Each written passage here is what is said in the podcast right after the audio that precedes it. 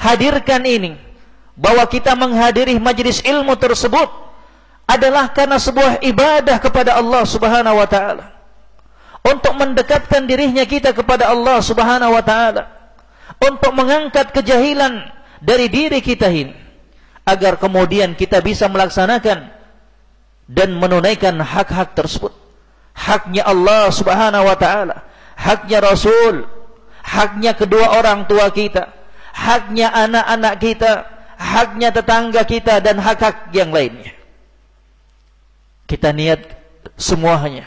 Sejak keluar dari rumahnya kita bahwa kita menuntut ilmu adalah dalam rangka beribadah kepada Allah.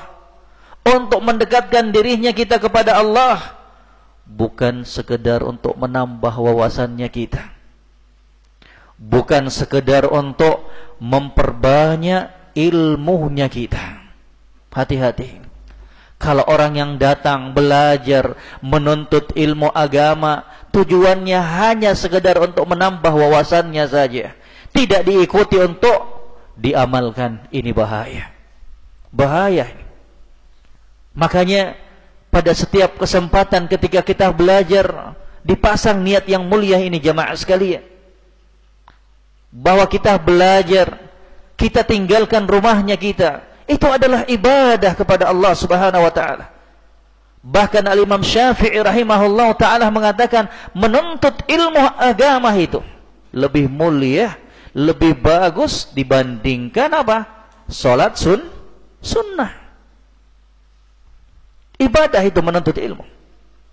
Ibadah itu menuntut ilmu. Sadarkan dirinya kita bahwa menuntut ilmu itu bertafakuh din adalah ibadah yang mulia di sisi Allah Subhanahu wa taala. Kenapa? Allah perintahkan, "Fa'lam, belajar kamu. Ketahuilah annahu la ilaha illallah bahwa tidak ada sesembahan yang berhak disembah kecuali Allah Subhanahu wa taala. Dan ini adalah perintah konteksnya fa'lam fi'il amr. Dan setiap perintah yang diserukan oleh Allah itu adalah perkara yang Allah cintai dan setiap perkara yang Allah cintai adalah ibadah di sisinya. Nah, fahadha laisa maqsudal ilm karena kata beliau sekedar menambah wawasan, sekedar memperbanyak ilmu agama bukan tujuan ilmu. Bukan tujuan menuntut ilmu, bukan. Iya. Wa innama maksudul ilm al-amal. Hanya saja tujuan kita belajar jamaah sekalian adalah untuk mengamalkan ilmu yang telah kita pelajari. Bukan untuk sok-sokan di hadapan manusia. Bukan untuk menunjukkan ini nih saya nih. Yang paling banyak dan luas wawasannya. Ini nih saya nih yang bisa berfatwa yang bisa menjawab pertanyaan. Bukan itu jamaah sekalian. Akan tetapi tujuan inti dari upaya kita menuntut ilmu agama adalah untuk diamalkan. Walihada yaqulu Ali bin Abi Talib radhiyallahu taala Oleh sebab itulah Ali bin Abi Talib mengatakan yahtaful ilm bil amal fa in ajabahu wa illartahal ini ucapan indah dari Ali bin Abi Thalib. Katanya ilmu itu menyeru memanggil mengajak kita untuk beramal. Ilmu itu menyerukan kita untuk beramal. Fa in ajabahu wa illartahal kalau seseorang beramal dengan ilmunya maka sungguh ilmu tersebut akan melekat pada dirinya. Ilmu itu akan melengket. Kalau tidak, kalau ilmu tidak diamalkan, irtahal, sungguh dia akan pergi meninggalkan pemiliknya. Ya. Ilmu sekali lagi untuk diamalkan jamaah sekalian. Makanya dinukilkan pula dari orang-orang soleh terdahulu. Kata mereka, kunna nasta'in bihifdzil hadis bil amali bihi adalah dahulu kami membantu kami untuk menghafal hadis adalah dengan cara mengamalkan hadis tersebut. Salah satu cara untuk melekatkan ilmu tersebut adalah dengan mengamalkannya jamaah sekalian. Diamalkan ilmu tersebut. Apa yang telah kita ketahui, apa yang telah kita pelajari, diamalkan. Bukan untuk ditumpuk, bukan untuk sekedar dicatat, bukan sekedar untuk didengarkan. Akan tetapi lebih dari itu, ilmu menyeruh kita untuk diamalkan. Fala yakhlu hal idzan min an takuna hadhihi al-ma'rifah imma hujjatun laka aw 'alaik. Maka kondisi ketika seseorang menuntut ilmu agama itu tidak akan pernah lepas dari dua perkara. Orang yang belajar bertafakuh kondisinya kata Syekh tidak akan pernah lepas dari dua kondisi ini imma hujjatun laka au alaih. Yang pertama kondisinya, akankah ilmu tersebut akan memberikan kemanfaatan untuk kamu? Akan menyelamatkan kamu? Ataukah sebaliknya kondisi yang kedua, ilmu tersebut akan menjadi bumerang yang akan menjerumuskan kamu dalam kebinasaan. Tinggal pilih aja jamaah sekalian. Dua aja ini. Enggak ada pilihan yang ketiga. Dua aja ini. Hujjatun lak aw alaik. Ilmu yang akan membawa kamu dalam kebahagiaan, keselamatan ataukah yang kedua, justru ilmu agama tersebut akan mengantarkan kamu dan menyeret kamu ke dalam kebinasaan. Hujjatun laka in i'tanaita bitatbiq ma tasma' wa fi'li ma tursyad ilaihi minal khair wal haq was sawab ilmu akan menjadi kebaikan untuk kamu yang akan menjadi penyelamat untuk kamu jika kamu memperhatikannya mengamalkannya mengamalkan apa yang kamu dengarkan dan mengerjakan apa yang telah dibimbingkan kepadamu dalam bentuk kebaikan kebenaran Itulah ilmu yang akan memberikan kemanfaatan untuk kita. Apa yang kita dengarkan, kita kerjakan dalam bentuk kebaikan dan kebenaran. Au alaik ataukah akan menjerumuskan kamu ke dalam kebinasaan kata beliau idza kana hazzuk min hadhihi al-ulum wal ma'arif mujarrad as-sama la ilaha illallah ataukah ilmu itu akan menjerumuskan kamu ke dalam kebinasaan tak kala tujuan kamu keinginan kamu hasratnya kamu ketika belajar mendengarkan ilmu agama adalah sekedar mendengar belaka. Datang duduk diam dengar pulang. Itu aja. Ya, sia-sia jamaah sekalian. Udah capek badannya kita duduk, iya kan? Waktunya kita udah terpakai, kemudian tidak bernilai pahala di sisi Allah. Bahkan menjadi apa? Bumerang buat kita. Kenapa? Sudah sampai ilmunya kepada kita, kok kita tidak amalkan? Iya. Tapi giliran ada jidal, ada adu argumen, perdebatan, muncul dia. Mau dia masuk ke dalam perdebatan tersebut. Perseteruan tersebut. La ilaha illallah. Giliran diperintahkan, disuruhkan untuk beramal, ogah-ogahan. Malas-malasan. Na'udzubillah. Nah ini jamaah sekalian. Rahimani wa rahimakumullah.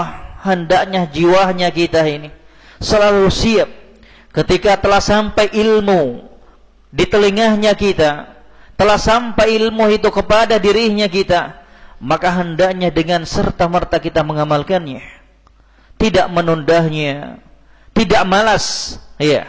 Karena itu semuanya tidak akan memberikan kemanfaatan pada diri seorang hamba. Oleh sebab itulah Al-Imam Ibnul Qayyim rahimahullah ta'ala di dalam kitab beliau Miftah dari Sa'adah menyebutkan sebuah ucapan indah. Kata beliau, "Wa kamalu kulli insanin innama yatimmu bihadzaini nawain himmatun turaqqihi wa ilbud yubassiruhu wa yahdihi." Kesempurnaan diri seseorang akan bisa dia capai dengan dua perkara yang pertama himmatun turaqihi. Karena ada semangat iya yang tinggi yang memompah dia. Hanya kata beliau, di antara poin-poin tersebut yang seharusnya kita perhatikan an-naqifa 'alal adillah minal kitabi was sunnah allati tadullu ala ahammiyati riayati hadzal haqq al-'azim Hakki kibarisin. Yang pertama jamaah sekalian. Ini sebelum kita masuk ke dalam poin-poinnya. Pahami dulu ini. Iya, agar kemudian kita bisa dengan mudah menjalankan hak-hak yang akan disebutkan Syekh. Yang pertama, hendaknya kita berhenti, hendaknya kita memperhatikan dalil-dalil dari Al-Qur'an dan Sunnah yang menunjukkan pentingnya untuk memperhatikan hak yang mulia ini. Hak apa ini? kibar asin hak-hak yang harus kita tunaikan kepada orang-orang yang telah lanjut usia. Ya. Perhatikan dalil-dalilnya dari Al-Quran dan Sunnah.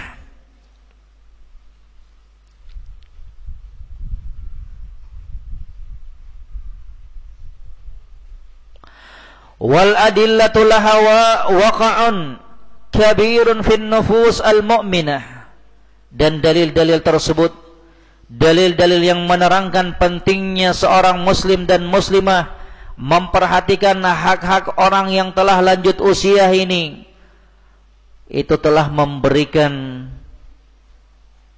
pengaruh yang besar pada jiwa seorang mukmin.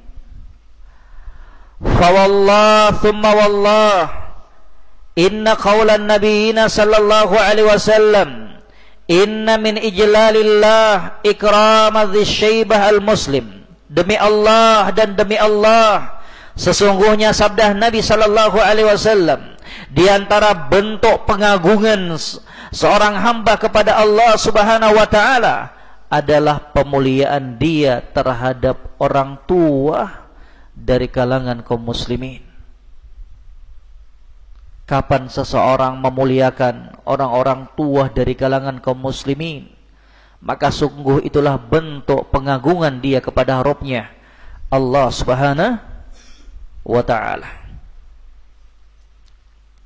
Demikian pula di antara dalil yang menyerukan kita untuk memperhatikan hak ini sabda Nabi sallallahu alaihi wasallam yang diriwayatkan oleh Imam Ahmad dalam musnadnya dari sahabat Abdullah bin Amr kata Nabi alaihi salatu wassalam laisa minna man lam yuwaqqir kabirana.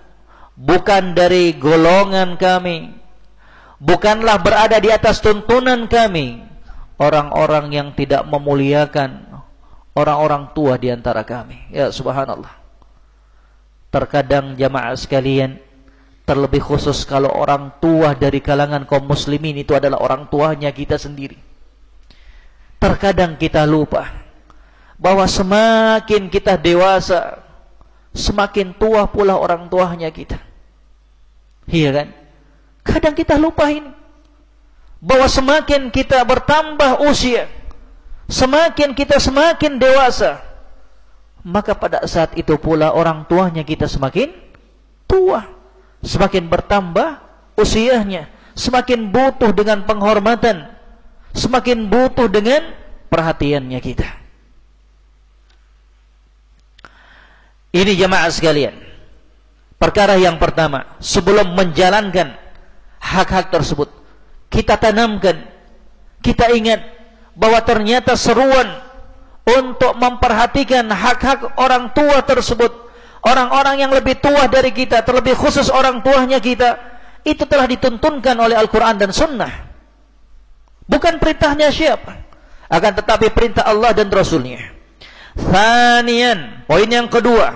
Ini diingat-ingat ini. Agar kemudian kita dimudahkan untuk menjalankan dan melaksanakan hak-hak orang yang lebih tua dari kita.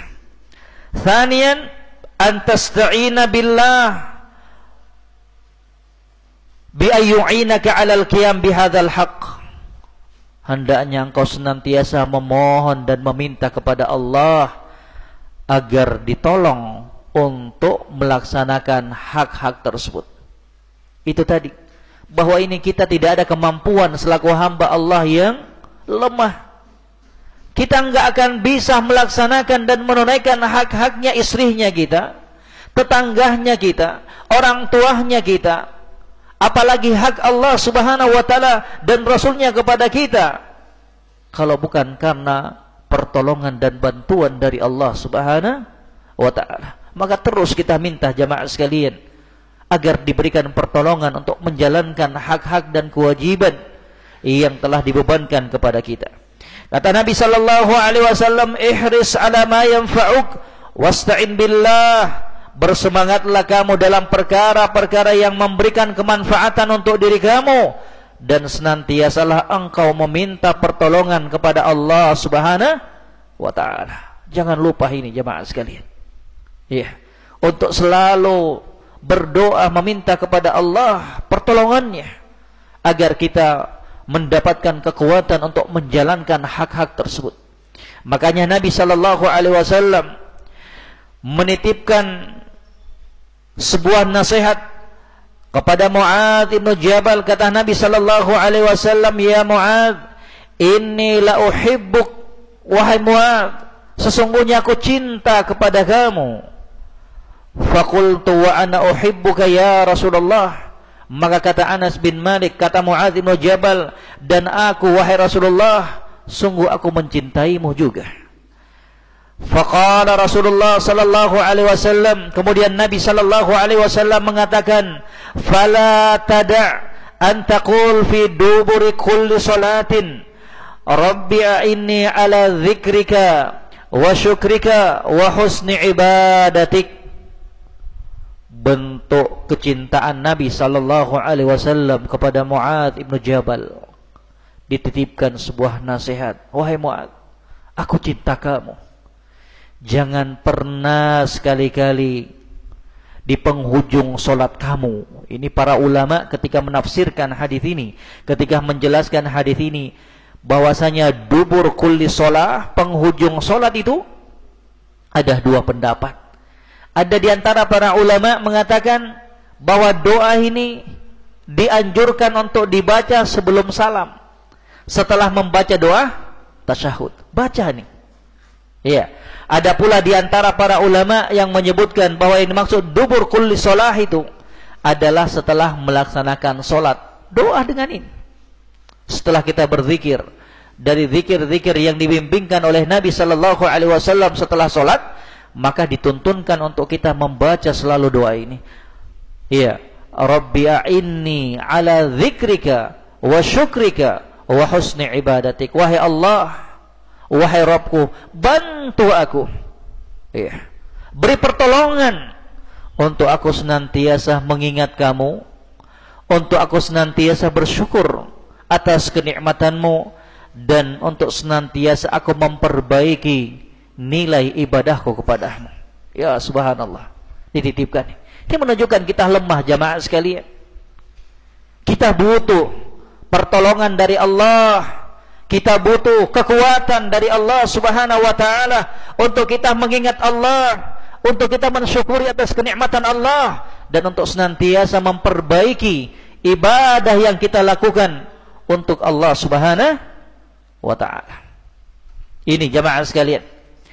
Kata beliau, "Fa idza bil fadilah aw babin min abwabil khair fadlub min Allah ayyu'inaka alaihi."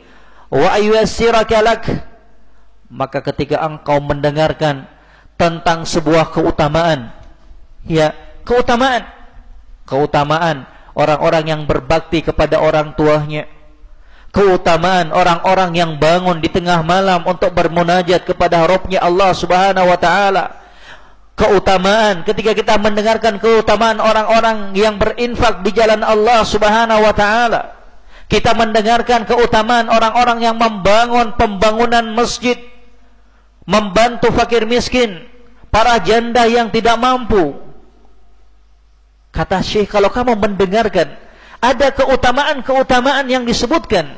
Atau ada pintu-pintu kebaikan? Maka segeralah kamu untuk senantiasa meminta pertolongan kepada Allah agar kamu dimudahkan untuk bisa melaksanakan amalan tersebut untuk bisa meraih keutamaan tersebut. Subhanallah. Ya kita butuh pertolongan Allah subhanahu wa ta'ala.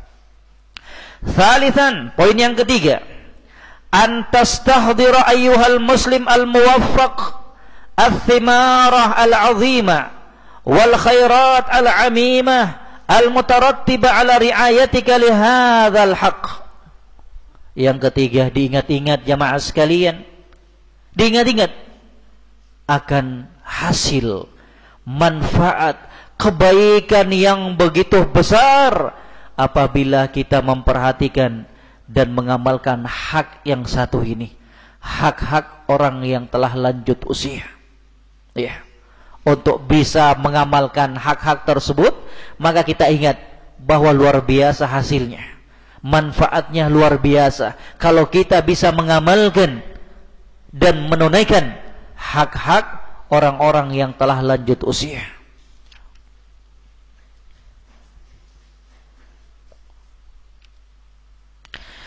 Di antara manfaat tersebut kata Syekh adalah sabda Nabi sallallahu alaihi wasallam, "Innama tunsaruna bi du'afaikum." Sesungguhnya kalian dibantu, ditolong karena orang-orang lemah di antara kalian. Iya. Adanya orang-orang lemah di antara kalian itu merupakan sebab datangnya pertolongan Allah Subhanahu wa taala. Kemudian poin yang keempat kata beliau an tatadzakkar qa'idatan wa aslan dallat alaihi nususun katsiratun minal kitabi was sunnah. Poin yang keempat ini jamaah sekalian. Sebelum kita menjalankan dan menunaikan hak-hak orang yang telah lanjut usia, maka ingat perkara yang keempat ini kata beliau hendaknya engkau mengingat kaidah dan pijakan yang telah ditunjukkan oleh nas-nas keterangan-keterangan yang banyak, dalil-dalil yang banyak dari Al-Quran dan Sunnah. Ala wahwa ini kaidah ini. Kama tadi nutudan. Sebagaimana kamu berbuat, maka begitulah balasan yang kamu dapatkan. Ya. Kama tadinu tudan. Apa yang kamu perbuat, itu pula yang kamu dapatkan balasannya nanti. Kapan kamu tidak memuliakan orang tua? Orang-orang yang telah lanjut usia, maka demikianlah kamu akan diperbuat kelak ketika kamu di usia lanjut. La ilaha illallah. Kama tadi nutuda. Wallahu jalla wa ala yaqul dan Allah Subhanahu wa taala berfirman, hal jazaul ihsan akan tetapi karena bagaimana mulianya pemuliaan Abdullah bin Umar kepada orang-orang tua yang berada dan hadir di majelis Nabi sallallahu alaihi wasallam pada saat itu. Dia terdiam. Fa'ahabu an atakallam. Aku enggan untuk berbicara. Aku enggak mau ngomong menjawab pertanyaan Nabi sallallahu alaihi wasallam karena rasa hormatku karena aku menghargai orang-orang tua yang berada di situ. Falamma sakatu qala Rasulullah sallallahu alaihi wasallam maka tak kala para sahabat terdiam dari pertanyaan tersebut salah semua jawabannya maka Nabi sallallahu alaihi wasallam mengatakan khian hiyan nakhlah. Ketahuilah pohon tersebut adalah pohon kurma. Itu salah satu adab. Ya.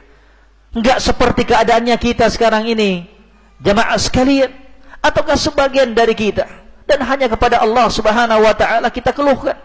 Bagaimana jeleknya akhlaknya kita bagaimana akhlaknya kita dan adabnya kita kepada sebagian orang-orang yang lebih tua dari kita. Lancang mulutnya kita. Tidak menghargai mereka. La ilaha illallah. Lihat tuh. Abdullah bin Umar. Gak mau menjawab dia. Katanya bukan karena faktor yang lainnya. Gak mau menjawab dia. Karena dia menghargai orang-orang yang tua yang berada di majelis tersebut. Ya subhanallah. Dan ini banyak sekali dinukilkan dari para sahabat ataukah dari kalangan setelah mereka jamaah sekalian. Jaga mereka betul-betul memperhatikan ya bagaimana mereka memuliakan orang-orang terdahulu akan kita sebutkan nanti insyaallah taala. Kemudian jamaah sekalian masuk dalam pembahasan yang ketiga kata beliau wa amma hukukul kibar allati da'a ilaiha al-islam wa amara biha fahiyah. Adapun hak-hak orang-orang usia lanjut yang diserukan oleh Islam dan diperintahkan untuk ditunaikan adalah sebagai berikut. Ingat-ingat ini. Awalan yang pertama dari hak tersebut tauqiruhu. Kita muliakan mereka. Kita hargai mereka. Itu hak yang harus kita jalankan terhadap orang-orang yang telah berusia lanjut. Hargai mereka. Hormati mereka. Kama ja'a fil hadis sebagaimana telah datang penyebutannya dalam hadis yuwakir kabirana kata Nabi laisa minna man lam yuwakir kabirana bukan termasuk dari golongan kami bukanlah orang yang berada di jalannya kami mereka yang tidak menghargai dan menghormati orang-orang tua di kalangan kami ya subhanallah jangan lancang kita jamaah sekalian hargai mereka muliakan mereka. Wahia kalimatun azimatun laha ma'anin jalilatun wa rafi'atun jiddan. Al-kabir yuwaqqar wa yakunu lahu makanatun fin nufus. Ini adalah kalimat yang agung yang memiliki makna yang begitu mulia dan mendalam dari Nabi sallallahu alaihi wasallam. Orang tua itu dimuliakan. Orang tua itu dihormati dan dihargai ada tempat khusus di hatinya kita untuk mereka. Orang-orang tua dari kalangan kaum muslimin. Lianna man lam yuwakkir al-kabir la yumkin ayyakum bihuquqihi. Makanya Syekh jamaah sekalian menempatkan hak yang pertama ini tauqiruhu memuliakan menghargainya. Karena kata beliau, kapan seseorang tidak menghargai, kapan seseorang tidak menghormati orang yang lebih tua, orang-orang yang lanjut usia, maka tidak akan mungkin selanjutnya untuk dia menunaikan hak-hak yang lainnya. Kapan dia sudah remehkan orang yang lebih tua darinya? Kapan sudah dia menghina dan merendahkan orang-orang yang telah lanjut usia? Maka tidak akan mungkin lagi untuk bisa dia bangkit melaksanakan hak-hak yang lainnya. Makanya saya sebutkan di sini, iya. Poin yang pertama ini. Tauqiruhu. Fa tauqiruhu haqqun lahu wa huwa rakizatun lil qiyam bisairi huquqi. Maka menghargai, memuliakan orang-orang yang telah lanjut usia itu. Iya, merupakan pokok dan pondisi pokok dan pondasi untuk melaksanakan seluruh hak-hak yang berkenaan dengan orang yang telah lanjut usia. Ini nih pokoknya. Ini nih landasannya ini. Hargai mereka, muliakan mereka. Kapan runtuh pondasi ini, maka akan lebih mudah lagi meruntuhkan hak-hak yang lainnya. Ini nih pondasinya dahulu. Tanamkan perasaan pemuliaan kita, rasa hormat kita kepada mereka orang-orang yang telah berusia lanjut. Kemudian hak yang kedua jamaah sekalian. Dari hak-hak tersebut kata beliau, "Thaniyan an tabda'ahu bi ilqa'is salam alaih." Hendaknya kamu memulai salam kepada mereka. Jangan tunggu mereka yang memulai salam. Terhadap orang yang lebih tua Orang yang telah lanjut usia di mana pun kita berada maka dahulukan kita yang muda untuk memberikan salam kepada mereka. Ini haknya mereka yang harus kita tunaikan. Ini hak orang-orang yang tua yang harus kita perhatikan. Antabda'ahu bi'ilqa'is salam alaih. Hendaknya engkau memulai duluan memberikan salam kepada mereka. Kama fil hadis sebagaimana yang telah ditunjukkan dalam hadis yusallim as-saghir 'alal kabir warakib 'alal mashi. Hendaknya orang yang lebih muda memberikan salam kepada orang yang lebih tua dan orang yang berada di atas kendaraan memberikan salam kepada orang yang berjalan kaki. Subhanallah. Indah betul Islam ini. Ya, sebagai bentuk pemuliaan penghargaan kita, rasa hormatnya kita kepada orang yang berusia tua dibandingkan kita. Kita salam terlebih dahulu. Jangan tunggu mereka memberikan salam. Bari bersegera. Fa idza laqita kabira sin la tantadhir ayyabda'aka bisalam bal sari' wa badir bi ilqa'is salam alaihi bi. Kapan kamu bertemu dengan orang tua Ya, maka jangan kamu menunggu untuk memulai salam, akan tetapi bersegeralah untuk memberikan salam kepadanya dengan penuh adab dan rasa hormat. Ya. Wa bi kulli tawkhirin wa lutfin wa tura'i aidan wa tura'i aidan halahu fi kibari sinni. Demikian pula kamu hargai dia dan tetap berlemah lembut kepadanya engkau juga memperhatikan keadaannya. Fa idza kana sam'uhu saliman tusallim alaihi bi sautin yasma'uhu wa la yu'dhi. Jika pendengaran orang yang tua tersebut, orang yang telah berusia lanjut tersebut masih bagus, ya, katanya kamu tebarkan salam dengan suara yang dia dengar dan tidak mengganggunya. Jangan Kemudian setiap dapat orang yang udah usia lanjut, kita negatif thinking padanya. Ini kayaknya udah tulih nih. Anak salamnya keras-keras saja lah. Assalamualaikum. Kaget ya. Ini nggak sesuai dengan Sunda juga ini. Wah ya, dilihat kondisinya. Kalau pendengarannya masih bagus, ya salam seperti biasa. Assalamualaikum ya am. Assalamualaikum wahai pamanku. Itu bahasanya orang Arab itu. Panggil am, panggil paman. Itu udah lembut sekali itu. Ya. Subhanallah. Wa idza kana bisababi kibari sinnihi thaqula sam'uhu aidan tura'i dzalik. Demikian pula kalau pendengarannya sudah terganggu, tidak normal lagi, dia cuma mampu dengar kecil, pelan, maka ini dilihat kondisinya. Gak apa-apa kita kencangkan suaranya. Kita angkat suaranya kita. Biar gak salah paham. Ya. Nanti dikiranya kita nggak salam sama dia. Dikeraskan suaranya kita.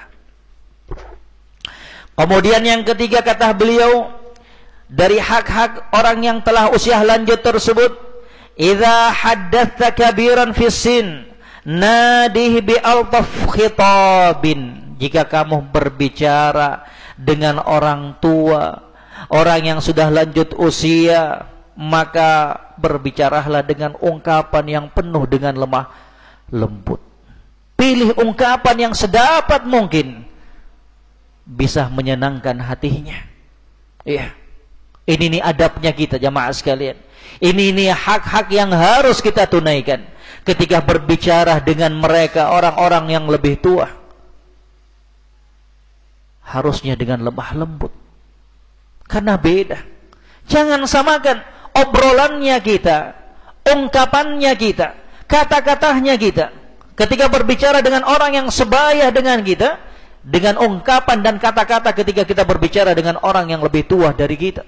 Orang-orang yang telah lanjut usia, tidak demikian. Dipilih yang paling lembut, yang paling enak di pendengaran orang yang sudah tua tersebut. Ya subhanallah.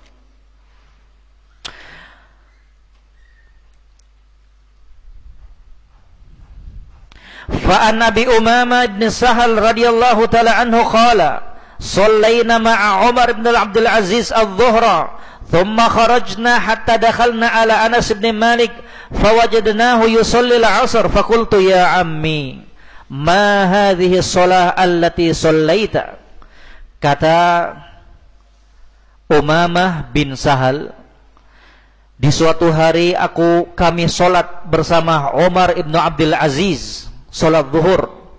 Kemudian kami keluar. Iya kemudian kami masuk lagi dan mendapati Anas bin Malik radhiyallahu taalaan sedang solat asar. Fakultuh maka kemudian Umamah bin Sahal mengatakan ya am wahai pamanku ma hadhihi shalah allati sallaita salat apa ini? Salat yang kamu kerjakan. Dia itu panggilannya. Ya am wahai pamanku. Ini ungkapan yang begitu lembut nih di kalangan orang-orang Arab panggilnya mereka kepada orang yang lebih tua. Panggil pamannya. Wahai pamanku. Ya subhanallah. Iya. Jangan panggil namanya. Ada orang tua kita panggil demikian. Iya. Dengan panggilan-panggilan yang terkesan meremehkannya dan tidak menghargainya. Subhanallah. Kemudian hak yang selanjutnya kata beliau ayyuqaddam fil kalam wa yuqaddam fil majlis wa yuqaddam fit ta'am wa yuqaddam fit dukhul fa hadha min huquqihim engkau dahulukan orang-orang yang tua tersebut ketika berbicara biarkan mereka dulu. Jangan antum yang masih muda. Biarkan mereka. Iya. Silakan, Pak. Ngomong dulu. Biarkan. Itu haknya mereka untuk kita muliakan. Sebagai bentuk pemuliaan kita terhadap orang yang lebih tua. Wa yuqaddam fil majlis. Dalam sebuah majlis pun kita dahulukan mereka. Wa yuqaddam fit ta'am ada acara makan-makan, dahulukan mereka. Ambil piring, serahkan ke mereka dulu. Jangan nafsi-nafsi. Ya. Kalau soal makan, sudah lupa semuanya. Ya, seakan-akan satu umur semuanya. Ini bahaya ini. Dahulukan dong. Lihat orang tua. Jangan lihat, wah ini kelompok saya. Ini teman duduk saya. Teman makan saya. Lupa kita. Ini pun akhlak. Yang kita akui terkadang tidak kita perhatikan. Ada acara-acara, perhatikan dari kalangan orang tua dulu jamaah sekalian. Iya. Dahulukan sebagai bentuk pemuliaan kita kepada mereka. Terkadang lihat, wah, ternyata anak mudanya udah siap semuanya makan, orang tuanya masih bengong aja. La ilaha illallah. Diperhatikan ini. Kita akui, mari perbaiki. Mari perbaiki. Iya. Dahulukan mereka ketika makan, didahulukan, diperhatikan mereka, dilihat. Nah. Wa yuqaddam fid dan dahulukan mereka ketika masuk ya ke rumah atau yang lainnya dahulukan. Silakan Pak, masuk dulu. Fahadha min huquqihim karena ini semuanya termasuk dari hak-hak mereka. Makanya jamaah sekalian dalam sebuah peristiwa hadis yang diriwayatkan oleh Imam Bukhari, Imam Muslim dari sahabat Sahal Ibnu Abi Hathmah radhiyallahu taala ketika terjadi sebuah peristiwa maka Nabi sallallahu alaihi wasallam mengatakan apa? Kabir, kabir. Ya. Kabir, kabir. Apa artinya? Pilih siapa di antara kalian yang paling tua umurnya untuk berbicara. Nabi suruh dan perintahkan orang yang paling tua di antara kelompok tersebut untuk berbicara. Kabir, kabir kata Nabi sallallahu alaihi wasallam. Biarkan orang yang paling tua di antara kalian yang berbicara. Subhanallah. Bagaimana hak tersebut dijaga oleh Nabi sallallahu alaihi wasallam. Demikian pula diriwayatkan dari sahabat ataukah dari ulama yang lainnya kata kata Malik Ibnu Miqwal qala kuntu amshi ma'a Talha Ibnu Musarrif dahulu aku pernah berjalan bersama Talha